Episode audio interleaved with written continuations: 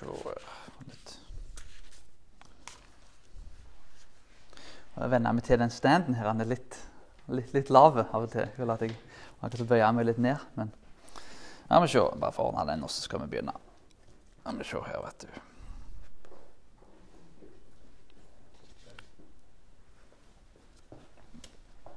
Der tror jeg vi har den. Da fortsetter vi fra forrige gang. Da gikk vi gjennom Titus 1.1-4 forrige gang. Og denne gangen er det Titus kapittel 1 vers 5-9. Så da fortsetter vi altså fra før. Og Tittelen i dag er Vi fortsetter fra forrige gang og går gjennom Kvalifiserte eldste bidrar til sunn lære. Det er tittelen. Kvalifiserte eldste bidrar til sunn lære og en sunn menighet. Hva om du skulle infiltrere en menighet, eller om noen andre skulle infiltrere en menighet og ødelegge ei kirke? Hva hadde du gjort, eller hva ville vært taktikken for å gått inn og fått falske lærere inn i ei kirke? Vi tenker ofte i dag på at uh, ondskap er ofte mørkt. Vi, ser fra filmer og populærkultur at uh, monstre er ofte fæle og stygge og skremmende. Så når du ser dem, så rømmer du vekk og prøver å komme deg vekk. Vi ser ofte at djevelen blir fremstilt som en, en fæl, stygge kar med, med horn og, og, og rauge og svære og fæle. Og Hvis du ser noe sånn, så tenker du da hadde du begynt å springe. sannsynligvis. Men i Bibelen så ser vi en helt annen beskrivelse. Vi ser mange beskrivelser. Men vi ser bl.a. at djevelen og ondskap kan bli fremstilt som en lysets engel. Med andre ord, ondskap er ikke nødvendigvis alltid mørkt, men det kan faktisk være ekstremt lyst. Det er to måter å gjøre, folk, gjøre at folk ikke kan se på. Du kan skru, skru av lyset i et rom og ha det bekmørkt, eller du kan sette på flombelysning. Flombelysningen kan være mye mer blendende og gjøre at du ikke kan se noen ting. Og Det er derfor at ondskap ofte kan komme i form av lys heller enn mørke. Det ville vært mye lurere av djevelen å sendt inn falske lærere i en menighet. Folk som var velkledde, glattbarberte, med fine smil, og så spør spørsmålet har Gud virkelig sagt. Det er helt i orden at uh, du følger Jesus, at du tror på nåden, men du må bli omskjært, du må følge noen av lovene i tillegg til alt dette her. Nettopp den utfordringen som Paulus fikk med omskjærelsespartiet, som vi ser i Titus. Husk på det at rottegift i mange sammenhenger er 99 god mat og 1% gift. Det er ikke den gode maten som dreper rotta, det er den 1 som er, dårlig, 1 som er gift. Det skal ikke mer enn 1% til for at rotta dør. Tenk på Adam og Eva som fikk masse frukt i hagen. Det er ikke usannsynlig at Adam og Eva spiste masse ulike frukt i hagen. La oss si at de spiste 100 frukter. Det var ikke de fruktene som var gode, som sendte de ut av hagen. Men det var den ene frukten som var dårlige. Den ene frukten var nok til å få de utsendt av hagen. Vi ser Paulus får mange utfordringer i Titusbrevet. Han får falske lærere som kommer inn i, i menigheten i Kreta. Og Spesielt det med loviskhet. Det er jøder som er blitt kristne, og så sliter de med å omstille seg fra en lovisk jødedom til en, en, en, en nådefull forståelse og det å være i Kristus. Paulus har alle disse utfordringene, og han er bekymra for denne menigheten. Han vil at denne menigheten skal bli bevart og opprettholdt. Og Paulus skriver til Titus for å gi han instrukser. Hvordan bygger du en gudfryktige og hellige menighet, sånn at evangeliet kan bli bevart? Hva gjør du for disse tingene? Forrige gang så snakket vi om det veldig mest grunnleggende, Titus kapittel 1 vers 3. Vi forkynner ordet. Ordet må bli forkynt. Tekstutleggende forkynnelse, der en går gjennom det Skriften sier. For til og med når Jesus møter djevelen i ødemarken, så siterer ikke Jesus Platon og de store filosofene. Han sier det står skrevet. Han siterer Bibelen. Hvis Jesus kan sitere Bibelen og, og gå inn i Skriften for å gi svar til djevelen, så bør vi kunne gjøre det samme. For Husk på det at uh, falske lærere kommer ofte i en veldig fin pakke. Det ser veldig behagelig ut. Og Den eneste forsvarsmekanismen vi har for å skape en gudfryktig og hellig kirke, er Guds ord. Men jeg skal ikke repetere det vi gikk gjennom forrige gang. For det er én ting til som vi skal gjøre for å få en gudfryktig og hellig kirke. Og det er utnevne kvalifiserte eldste, sånn som det står i Bibelen. En må altså forkynne Guds ord men jeg må ut og utnevne kvalifiserte eldste, som Titus 5-9 handler om. Og Det bringer oss til hovedideen i teksten. Å utnevne kvalifiserte eldste er essensielt for å få en gudfryktige og hellige kirke. Det er tre poeng som jeg ønsker å gå gjennom for å få fram den hovedideen. Den første er hva. Hva må vi gjøre? Vi må utnevne eldste. Det er det første. Nummer to hvordan skal vi gjøre dette? Vi må finne kvalifikasjonene til disse eldste. Hvorfor skal vi gjøre dette? Fordi oppgaven til eldste handler om å opprettholde og bevare den sunne læren i menigheten. Som har altså hva, hvordan og hvorfor. Og Alle disse tre poengene vil sende oss tilbake til det opprinnelige hovedideen. Det at det å utnevne kvalifiserte eldste er fundamentalt og essensielt for å få en gudfryktige og hellige menighet. Og det, Nettopp derfor er det at Paulus legger vekt på det. La oss begynne med den første først. Utnevne eldste, eller utvelgelse av eldste. I Titus 1,5 så står det Jeg lot deg bli igjen på Kreta for at du skulle ordne det som ennå sto igjen, og innsette eldste i hver by, slik jeg påla deg. Vi ser ordet for 'ordna' på gresk, som ofte er at noen er forkrøpla, men de blir gjenoppretta. Vi tenker kanskje på at Jesus gikk inn og helbreda folk som hadde et viss form for handikap eller en viss form for forkrøpling. Så da er det en person som er forkrøpla, og som blir gjenoppretta fysisk. På samme måten som folk er forkrøpla fysisk, så var det mange folk i menigheten her som var forkrøpla åndelig. Og de trenger en åndelig gjenopprettelse. Og det er denne typen ord som Paulus bruker. Vi ser menigheten har ugudelighet, verdslige litenskap, sinne, baksnakking, og det er korrupsjon og mange andre ting som er veldig alvorlige, som, som Paulus prøver å rette opp i og sender Titus inn for å ordne opp i disse problemene. Så Ordet 'ordne' er et viktig ord som vi må huske på. Ordet 'innsette' er et ord som handler i større grad om å lede et hus, et forvalterskap. Vi ser dette, Denne forståelsen ble brukt av Moses når han da vil innsette eldster da, i 2. Mosebok kapittel 18, der vi leste. Eh, han vil innsette eldster da, for, at, eh, for, å ordne opp i ting, for at de skal bli orden og struktur, at han ikke sliter seg sjøl ut. Vi ser dommerne som ble lært opp av Moses, og vi ser samme strukturen. altså Paulus var en jøde, han hadde den forståelsen. Og han setter inn Titus for å ordne opp i disse problemene i den menigheten. På samme måte som Moses gjorde det samme i Israel. Eller i ørkenen, faktisk, men, men en modell som senere ble brukt i Israel. Vi ser De jødiske kristne på denne tida hadde da et jødisk lederskap der de hadde da eldste som styrte over ting. Og de kristne da, som kom fra en jødisk bakgrunn Husk på når Bibelen ble skrevet, så hadde de kun Det gamle testamentet og litt sporadisk eh, brev utenom. Og selvsagt da muntlig overlevering. Men det tok tid før folk fikk den kanonen, da, Bibelen samla sånn som vi har den i dag. Så de måtte faktisk gå til Det gamle testamentet ofte for å finne svar på disse tingene. Det ordet vi ser her for eldste, da, er presbeterianer, eller presbeterios på gresk. Så da er presbeterianer. Eh, det betyr da eldste. En gammel mann eller en eldste, da. Eh, eldste, tilsynsmann, det har vi ordet biskop fra, som vi bruker i Norge. Eh, du har eldste, tilsynsmann og pastor. Ordet pastor er vel ikke et ord vi finner i Bibelen, men vi har ordet hyrde. Hyrde da, og pastor er det samme ordet.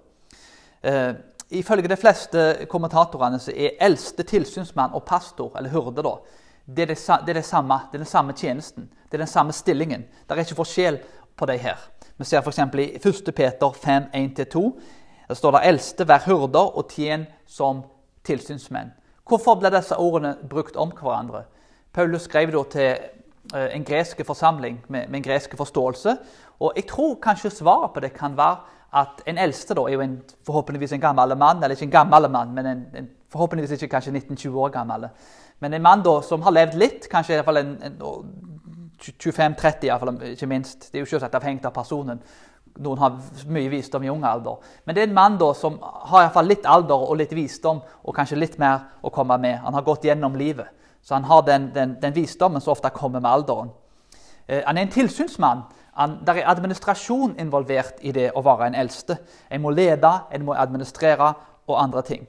Eh, ordet hyrde er jo en, en, som kjenner sauene sine, en som vokter sauene, en som beskytter sauene mot ulv og bjørn og, og, andre ting. Så En hyrde er jo en, nærmest en vaktmann, en som er med å vokte sauene sine og beskytte dem og med å bevare dem. Og han kjenner hver enkelte sau med, med, navn. Han kjenner, vet hvordan de ser ut. Og det er jo den, Eh, tenker ofte på David da, som, som en hyrde. Og, og Gud ord bruker eh, den beskrivelsen om hyrde om seg sjøl. Så de tre titlene, da, eller de tre ulike beskrivelsene, kan være med å fange opp egentlig da hva en eldste skal være. At det er ulike, tre ulike deler da, som er med å beskrive egentlig én stilling. Og Det er veldig viktig i den tida vi lever i, at eh, menigheten rent bibelsk sett skal da bli styrt av eldste da, i flertall. Det skal ikke være en biskop eller en, en, pave, men det skal heller ikke være apostler som styrer menigheten. Det er en bevegelse i dag som heter Den nye apostolske reformasjonen, NAR, som de kaller det. Og så heter det at det skal være tolv apostler internasjonalt som styrer alt da, eh, hele menigheten altså innenfor det kirkesamfunnet. Og Det er en ganske stor bevegelse som omfatter veldig mye folk. Det er ikke noe plass i Bibelen der, der du får finne støtte for disse tingene. De eksemplene vi har både i Det gamle og Det nye testamentet, er faktisk at idealet er faktisk at eldste skal styre menigheten. Vi ser Guds hus er bygget på apostler og profeter med Jesus Kristus som grunnstein i Efeserbrevet 2, 19-20. Men vi ser at det er eldste da, i flertall, utvalgte av menigheten, som skal styre menigheten. Så om en da altså vil ha ei gudfryktige og hellige kirke, så må en altså utnevne eldste. Dette er faktisk i Bibelen ikke et forslag, men det er faktisk noe Gud kommanderer oss å gjøre da, gjennom Paulus da, til Titus. Og dette er jo noe første Timoteus tar opp. Og Vi ønsker å bygge en bibelsk menighet. og igjen, Mitt ønske er ikke at, Jeg ønsker at alle menigheter skal bli bibelske. Jeg ønsker at alle menigheter i Hamar og andre plasser skal organisere seg på denne måten, for de er overbevist om at Bibelen sier det. Men om vi da, og egentlig andre menigheter ønsker da å organisere oss bibelsk, så må vi som menighet altså utnevne eldste. Man begynner å be fram at Gud er med å reise opp eldste, og at uh, en da får en gruppe med eldste da, som er med å styre menigheten, sånn som det ble fortalt her i Skriften. Og En av årsakene til det det kommer til vers 9, det skal jeg gå gjennom i etterkant. Men det handler om at menigheten skal bli bevart. At menigheten skal bli beskytta mot feil lære, og at den skal bli opprettholdt i den bibelske læra som er rette. Så Les den bibelteksten, og les Timoteus til en uh, anvendelse. og Les også gjerne uh, første Timoteus. Uh, les gjennom hele brevet der, og Da får du mye instrukser og forståelse rundt disse tingene. Og Del gjerne dette med folk som du treffer. Vet du, En som gikk og, og, møtte menigheter rundt omkring, og, og bedehus og andre plasser. og fortalte de da, gikk gjennom disse tekstene med dem og fortalte det er jo nesten ingen plasser som organiserer menigheten på denne måten. her. Hvorfor følger han ikke Skriften? Og Han var mange kjekke folk han traff, men, men, han fikk ikke noe ordentlig respons. da, Så han endte faktisk opp med å, å plante en, en menighet sjøl. Men mitt ønske er faktisk at alle menigheter organiserer seg på denne måten, her, fordi at det er bibelsk. Eh, måten dette ble gjort på, da, jeg skal ikke gå i veldig stor detalj, men både eldste og forsamlingen da, skal velge folk sammen. Med andre ord, Eldsterådet i menigheten velger som regel ut altså, kandidater. som Oftest er det veldig åpenbare kandidater, som de fleste er enige om. Men det er faktisk forsamlingen da, i en presbyteriansk menighet som skal være med stemme. Vil vi ha denne personen som eldste da, eller diakon i menigheten? Vi ser dette i Apostelens gjerninger, kapittel 15. Vi ser det i kapittel 6 og i 2. Mosebok 18. Vi ser det også i 5. Mosebok 1, 13. Så Det er egentlig veldig likt det politiske systemet, der vi da velger inn representanter. Der representantene da har makt til å ta valg da, på vegne av oss som da har valgt de inn.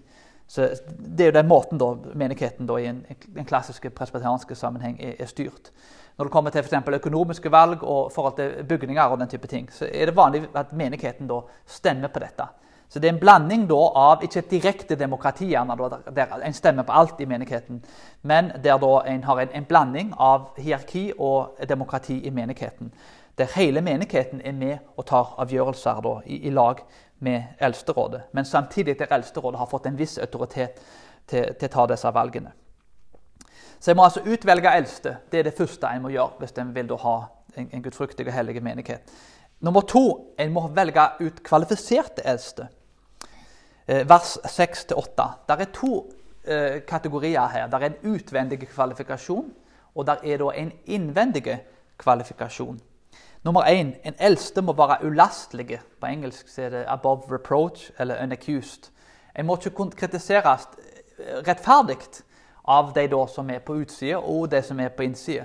Nå er det ikke sånn at en, en, Når en lever som kristne framover, spesielt for bibeltro kristne, så, så, kommer det ikke til å bli spesielt populære framover. Spesielt når vi påpeker disse tingene. Så det er ikke et spørsmål her om at en kan ikke bli kritisert for noen ting. De første kristne ble kritisert for veldig mye. De nekta å tilbe keiseren, men de ble kritisert urettferdig. De ble kritisert for ting som det ikke var hold i. Så vi må ikke bli kritisert for ting som det faktisk er hold i. Hvis uh, menigheten betaler en lønn for på 10 millioner i året til en pastor, mener jeg, så, og noen sier da at uh, han får for mye betalt, kan du si, så er det hold da i den anklagen. Men hvis en får samme anklagen og en, og en tjener mye mindre enn det, så, så, vil jo ting være helt veldig annerledes. Da er det jo ikke hold i anklagen. Så man må leve på en måte at når en blir kritisert, at det ikke da er hold i anklagen. En må ha et visst rykte blant de da som eh, ikke er troende. Eh, de første kristne det var en, en kjent romersk tenker da, som ikke var en, en, venn av kristendommen. Men han beskrev de kristne da, at de kristne sa han, tok bedre vare på de fattige, våre fattige enn vi gjør. Altså, det var et utrolig kompliment. Han likte liksom ikke de kristne. og jeg tror ikke han ville bli kristen, men de gjorde en veldig god jobb med å ta vare på deres fattige. Mye bedre enn hva vi gjorde. Og Det er jo et helt fantastisk eh, rykte å ha på seg da. Så til tross for at kristne ble forfulgt, så hadde de likevel et rykte på seg der de gjorde gode ting i samfunnet. Og veldig vanlig at pastorer var veldig kjente for å gjøre veldig mye godt, til tross for at de fikk mye kritikk. Så Det kan være ett eksempel på å ha et godt rykte da, blant de utenfor. Det står at uh, en skal være en kvinnes mann. Uh, I dag tenker vi at det er kanskje det er de mest åpenbare tingene som er Altså hva betyr en kvinnes mann? Men husk at dette var skrevet for veldig lenge siden. Det er veldig interessant å lese om Romerriket, hvordan ting var i Romerriket. I Romerriket var utroskap helt i orden for gifte menn. Det var ikke i orden for gifte kvinner. Men romerne og grekerne hadde null problemer med at en, en frie, gifte mann hadde sex med en slave, f.eks. Altså både mannfolk og damer. Eh, det var kulturen i Romerriket. Så, så, dette er faktisk en, en, revolusjonerende påstand i denne kulturen. Altså, faktisk er det mannfolk sin seksualitet som blir innskrenka i denne kulturen. Mannfolk mister faktisk rettighetene sine.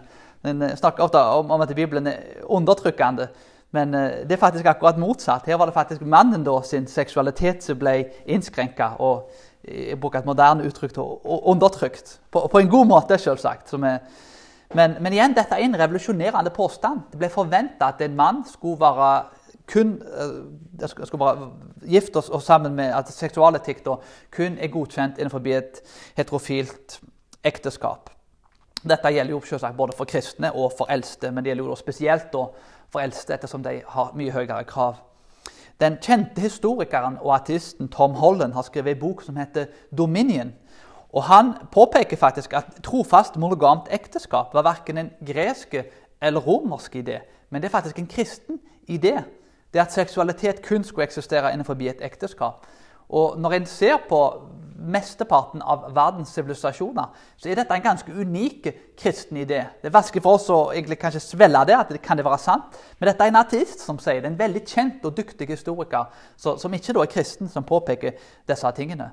86% av verdens sivilisasjoner har godkjent polygami, altså flerkoneri.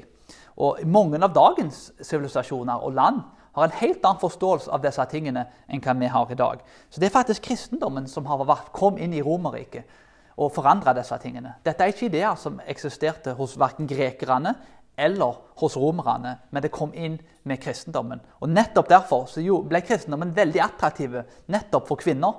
Fordi de fikk mye mer rettigheter og, og, fikk en mye bedre kvalitet på livet. Med tanke på at dette var faktisk en kultur som var temmelig undertrykkende da, til damer. Altså Ikke i en moderne forstand, da, men i en gammel forstand. Vi ser videre da at en, en eldste da skal være en mann. Eh, det greske ordet her er maskulint. og de fleste tilfellene, eh, sorry, alle tilfellene der tilsynsmenn og eldste og hyrde er omtalt, så er det alltid snakk om menn.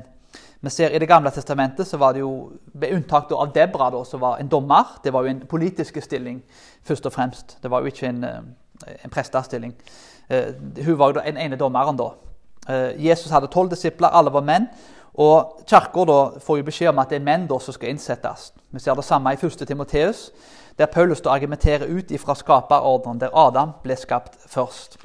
Vi ser også i kirkehistorien at dette har vært en ganske, det har ikke vært noe debatt nærmest, og diskusjon om dette. Det er ikke før egentlig 1968, 1965-68 og, og framover de siste 30-40 årene at vi ser i det hele tatt en diskusjon om disse tingene. Uh, Sjøl kommer jeg fra en bakgrunn, uh, til tross for at dette er veldig, en veldig kontroversiell ting å ta opp, og, og noe som eh, folk egentlig ikke alltid liker å høre.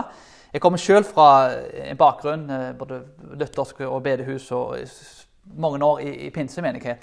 Så jeg har faktisk vært mer i menigheter der de har hatt kvinnelige pastorer og kvinnelige prester. Eh, Kona mi var faktisk pastor i Taiwan i nesten et år. Eh, og hun var også manager på en restaurant da vi bodde i Philadelphia. Og til tross for det så var det hun som var med og overbeviste meg da, om at Bibelen faktisk da sier at eh, en pastor da, og en eldste da, skal være menn. Uh, som sagt, jobba sjøl i helsevesenet, så jeg hadde jo som sagt, veldig mange kjekke kvinnelige sjefer. Dette er spesifikt snakk om menigheten, hvordan det skal være der. Uh, men det, jeg hadde en samtale med en, en, i Oxford angående disse tingene en gang. Så spurte jeg han uh, hva syns du om disse tingene her. Og, og han sa da, kikket på meg og sa jeg tror det Bibelen sier. Og så snudde han seg igjen etterkant. Og For meg var det en revolusjonerende setning kan du si, som var med å, å forandre det. Eh, jeg har selv studert mye filosofi og teologi. Og jeg tror ofte at eh, som jeg alltid sier, filosofen jobb er å gjøre enkle ting vanskelige, og teologen sin oppgave er å gjøre Bibelen vanskelige. Det er mye sannhet i det. skulle du si, og jeg, jeg, jeg er skyldig i begge de tingene sjøl. Man må huske på at i alt dette her, så skal jo en mann dø for kona si, som Kristus dø for kirka. Jesus var Gud, og han vasket føttene til disiplene. Så en mann kan ha den posisjonen han har som eldste, og samtidig være en tjener. En eldste skal først og fremst være en tjener. Så Dette er ikke snakk om undertrykkelse på noen som helst måte. I dag så har vi en moderne forståelse rundt ting der alt blir definert i, i undertrykkelse. I Bibelen så ser vi en helt annen forståelse, der, der faktisk lederskap er det samme som å være en tjener. Så, så, Den moderne forståelsen beskriver ofte ting feil, og beskriver ofte Bibelen feil i denne sammenhengen. Eh, jeg kunne gått gjennom kanskje noen av de filosofiske grunnene hvorfor ting er sånn. Vi lever jo i en kultur i dag der det er veldig kontroversielt å se at det er forskjell mellom kjønnene. Men eh, hvis du vil snakke om det i etterkant, så kan vi, kan vi gjerne diskutere det.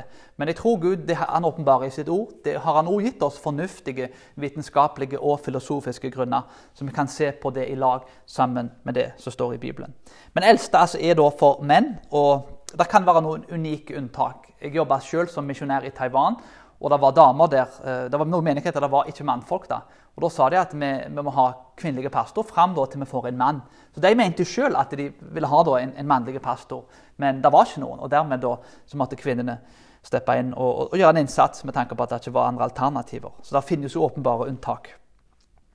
Hvis en da skal være konsekvent i dette, noen har sagt til meg, hvis en mener det, bør en da mene at en eldste skal være gift og ha flere barn? For det står det jo egentlig da. Han skal være en gift mann og han skal ha barn. Eh, I Bibelen så prøver vi alltid å tolke, la det tydelige tolke det utydelige. I, i Paulus taler jo det om å være i sølibat i 1. Korinterbrevet 7. Eh, jeg vet ikke om Paulus hadde unger. Eh, kanskje usannsynlig, men de, de fleste er vel i hvert fall enige om at han ikke var gift. Og ut ifra hvordan han snakker sjøl, så er det svært usannsynlig at Paulus var gift. Kanskje han hadde vært gift, kanskje familien hans kona hadde død. Vi vet ikke hvordan det var. Eh, men Paulus omtaler jo da sølibat som noe veldig positivt. Han skulle ønske at alle hadde vært som han. Og Dette er veldig forvirrende. Hvis alle eldster da må være gift, og så sier Paulus ønsker at alle er som meg, og Paulus var jo en leder i menigheten, hvordan kan en da forene disse to? Eh, men i Bibelen at det tydelige skal tolke det utydelige. Eh, min forståelse av dette er det at jeg tror nok de aller fleste som er eldste, bør være gift. Eh, de bør nok ha barn, men det kan finnes unntak til den regelen. Eh, hvis en skal være totalt konsekvent rundt disse tingene, så måtte en jo sagt at eh, hvis to som er gift, kanskje som ikke har fått barn ennå, ikke får barn, så de, må de gå ut av den stillingen. Hvis den skal være totalt konsekvent. Eller hvis en mann da for mister kona si, så må han da steppe ned da, og gå ned fra den stillingen som pastor. Og jeg tror de fleste ikke ville da sagt at, at det burde være tilfellet på noen som helst måte.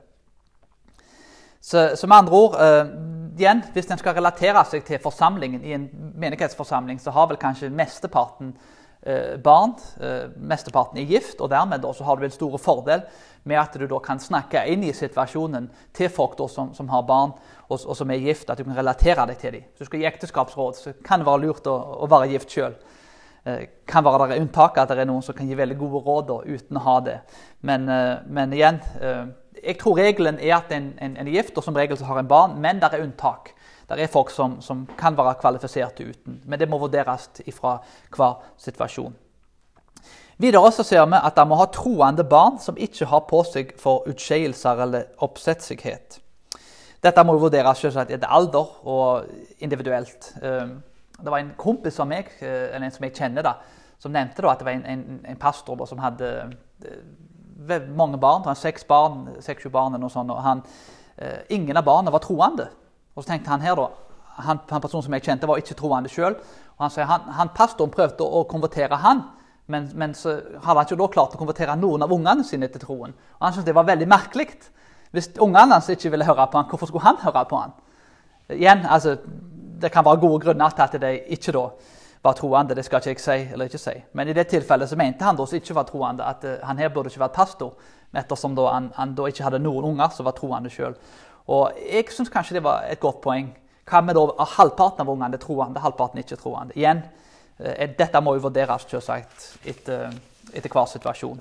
Men en kan kanskje konkludere i den situasjonen da, så, så burde en vel kanskje si at han som jeg kjenner, hadde rett angående det.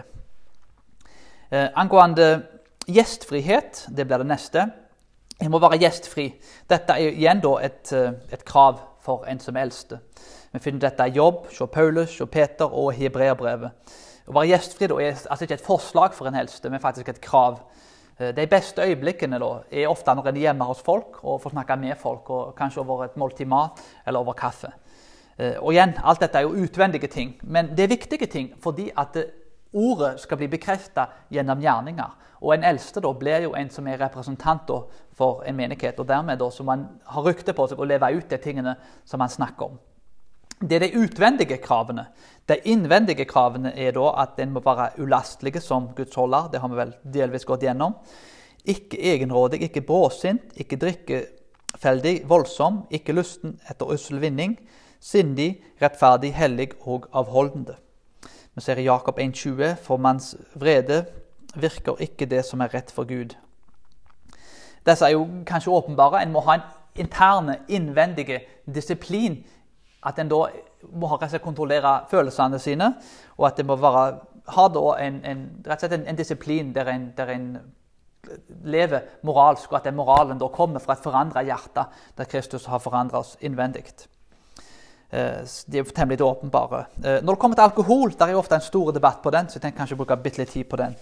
Vi ser jo at Bibelen har mange advarsler mot vin og sterke drikk i Isaiah 51, i ordspråkene. Og vi ser òg at Bibelen forbyr da drukkenskap. At en drikker da Jeg kommer jo fra Karmøyene. Si. Vi pleide alltid å si 'drikke Karmøyvann', si, og det var jo hjemmebrent. Det, og Bokstavelig talt så drakk folk det som det var vann. Si, det. det er ikke noen overdrivelse, dere, dere, som kommer fra bygdene. Hvis noen av dere gjør det, så kjenner dere kanskje til den. Eh, det er jo stor forskjell på å, å nyte et glass vin om kvelden og, og, drikke mener jeg, 20 eh, øl på en fredagskveld, som var veldig vanlig da, blant de jeg kjente. Eh, så Bibelen sier da at drukkenskap er forbudt, men eh, å ta seg et, et, vin, for eksempel, et glass vin med kona om kvelden, det er jo noe Bibelen da ikke har noe forbud mot. Eh, men kontekst er alt. Hvis jeg inviterer en muslim hjem til meg, så setter ikke jeg på skikkelig grisesteik og, og tar et, flaske med øl sammen med han. For det ville vært veldig støtende for en muslim da. Så det hadde jeg jo aldri gjort. Så konteksten er viktig.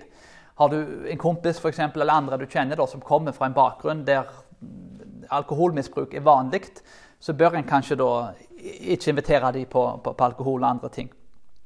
En må altså ikke føre andre til fall og leve ulastelig. Vi har lov til alt, men ikke alt gagner. Igjen, konteksten er alt. Uh, Selv er jeg avholds, si, og jeg sier ikke at alle andre må og bør gjøre det. Men da har han iallfall ikke noe en kan kritiseres for. Hvis, hvis en skulle bli kjent for med muslimer, da, så hadde det vært en, en ganske stor Eh, store ting som hadde vært med å forhindre dem. Og de har sett på meg som en synder da, som, som, ikke levde rett. og Dermed så hadde de kanskje ikke klart å motta evangeliet. Så dermed da, så, av, av, den grunn så, så får jeg kanskje, kan nå ut litt bredere til folk da, som har ulike bakgrunner. Eh, nå er det jo mange andre land som har en helt, helt annet forhold til alkohol enn hva vi har her. Men igjen, det, det, det er konteksten ofte som avgjør disse tingene. Men det er iallfall drukkenskap da en skal unngå som eldste. da, først Og fremst. Og det er jo veldig mange ulike meninger om dette òg blant presbeterianere. Det vi må be om, er at Gud da reiser opp folk i denne menigheten, og gjerne i andre menigheter, så også lever ut disse kvalifikasjonene. Eh, jeg vet om eh, menigheter som har sagt at det er ingen som kvalifiserer. Det er ingen som er god nok. Dermed har vi ikke eldste. kan du si. Og Da tenker jeg at eh, da må en be om det. Jeg må be om at Gud reiser opp de folkene. Og Det er jo egentlig en myk holdning å ha det. Det er jo åpenbart ingen som lever opp til den standarden. Det kommer jeg mot i slutten her. Men uh, vi må be om at Gud da reiser opp folk. Og tenk også gjerne kanskje noen her vil bli den fremtidige eldsten i menigheten. Kanskje en vil få en stilling i menigheten. Så det er et krav om helliggjørelse her som gjelder for oss alle, da, uavhengig av hva vi skal gjøre i framtida. La oss alle strekke oss mot disse målene og disse kravene. Og kanskje Gud vil gjøre noe stort i livet ditt og bruke deg nettopp til en posisjon kanskje du tidligere ikke hadde trodd at du kom til å være i. Jeg hadde personlig aldri trodd at jeg eh, skulle drive på med verken kirkeplan eller, eller eh, bli pastor. Det var faktisk de siste tingene jeg hadde i minne. Så Gud har en uh, god sans for humor og, og, og, bruker ofte veldig usannsynlige folk til, til Eller kaller ofte usannsynlige folk til, til å gjøre ting. Så det, vi stoler på Gud, vi stoler ikke på oss sjøl og hva vi kan gjøre. Midt oppi alt dette her så tenker vi kanskje der er ikke noe, Bare tenk sjøl på det. Eh, det er moralske krav for en eldste en, en, statsminister kan være dyktig til jobben sin, en, en, leder på en jobb kan være dyktig og ha et ganske rotete privatliv. Men, men eh, en pastor eller en, eldste vil jo da Det er de moralske kravene som teller. Eh, det er mange som har sagt at eh, det er folk som en gjerne ville hatt som, som, statsminister, men ikke som pastor, og, og motsatt igjen. Så, så, Det er viktig at det er moralske vitnesbyrd. Bare tenk på kirkehistorien. Hva er det kristne blir beskyldt for? Korstog, heksabrenning. Altså Det er moralske ting som Kirka har gjort feil.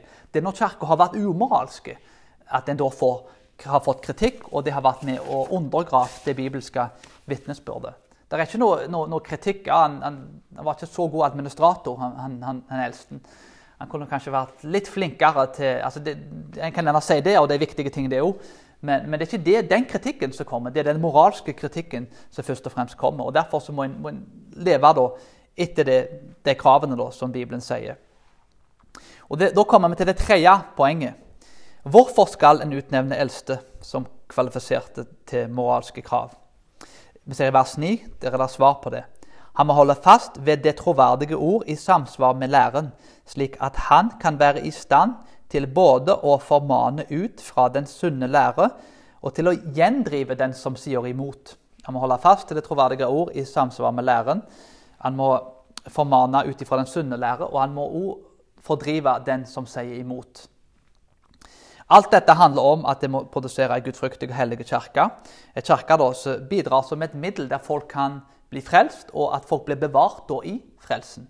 At en hurde da skal være med og beskytte menigheten mot ulver og bjørner. Og på samme måten da, må de beskytte menigheten i dag mot, mot, mot vranglære og, og feil ting.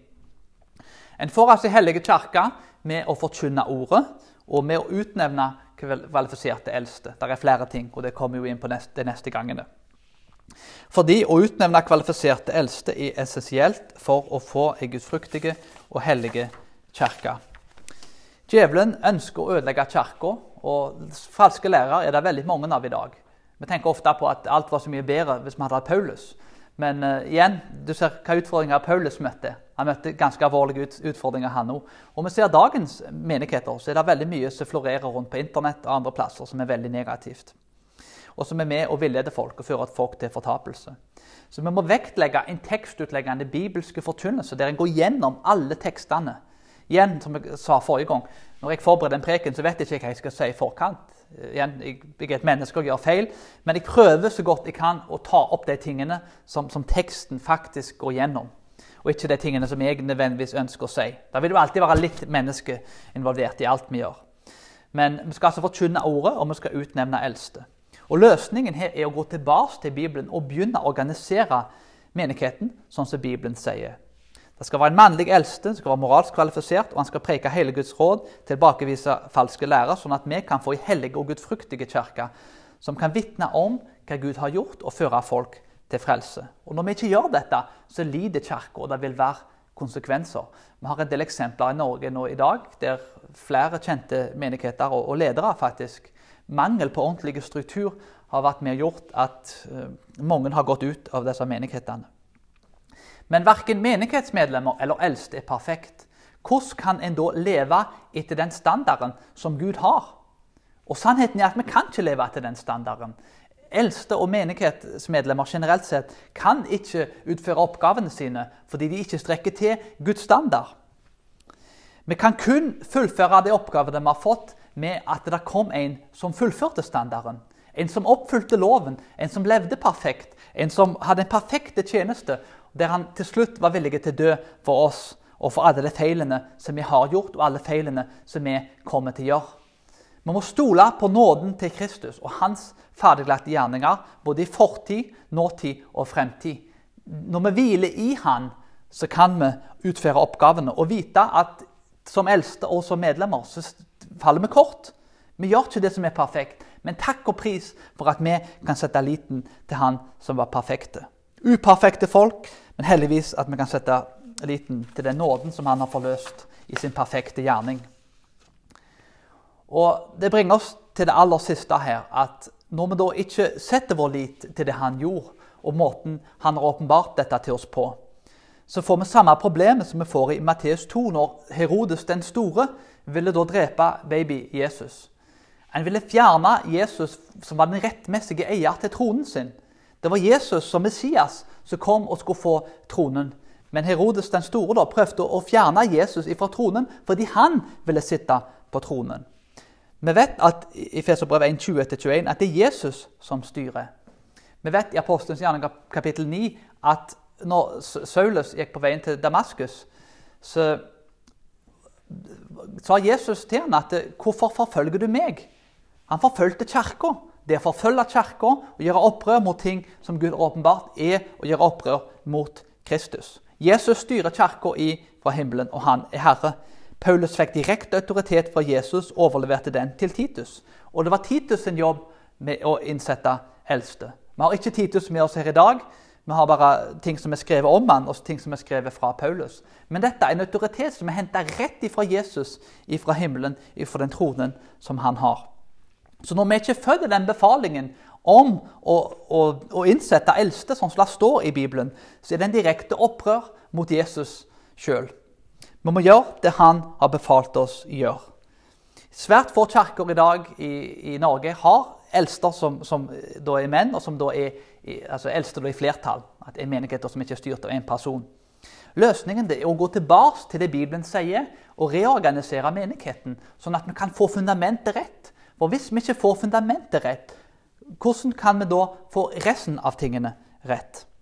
Og om vi gjør dette i tillegg til å forkynne ordet, så bidrar vi til å få en gudfryktige og hellige kirke. La oss sette liten vår til Kristus mens vi gjør alle disse tingene, og vite at vi ikke strekker til. Men la oss be om at vi får kraft til å gjøre det. Himmelske Far, takk for at du har gjort, og for den du er. Jeg ber om at uh, du gir oss styrke til og visdom til å ta de rette valgene, og til å være med og formidle dette gode budskapet som er ditt ord ikke mine ord, men det som står i Titus, hvordan vi skal organisere menigheten. La oss være trofaste med, ditt ord og få disse tingene rett som et fundament. Gi styrke til å være motkultur på disse punktene som er blitt så ubehagelige i den kulturen vi lever i. Men åpne opp øynene til oss alle, at vi kan se disse tingene klart, og at vi kan få en ny reformasjon i dette landet. Og der vi begynner først og fremst med å forkynne ditt ord og begynne å organisere menigheten sånn som du har befalt oss å organisere den. Hjelp oss å ta alle disse tingene og anvende det i våre liv, sånn at vi kan få frukt i, i menigheten, og at Norge kan bli et land som igjen vil gå tilbake til ditt ord som sitt fundament. I Jesu navn. Amen.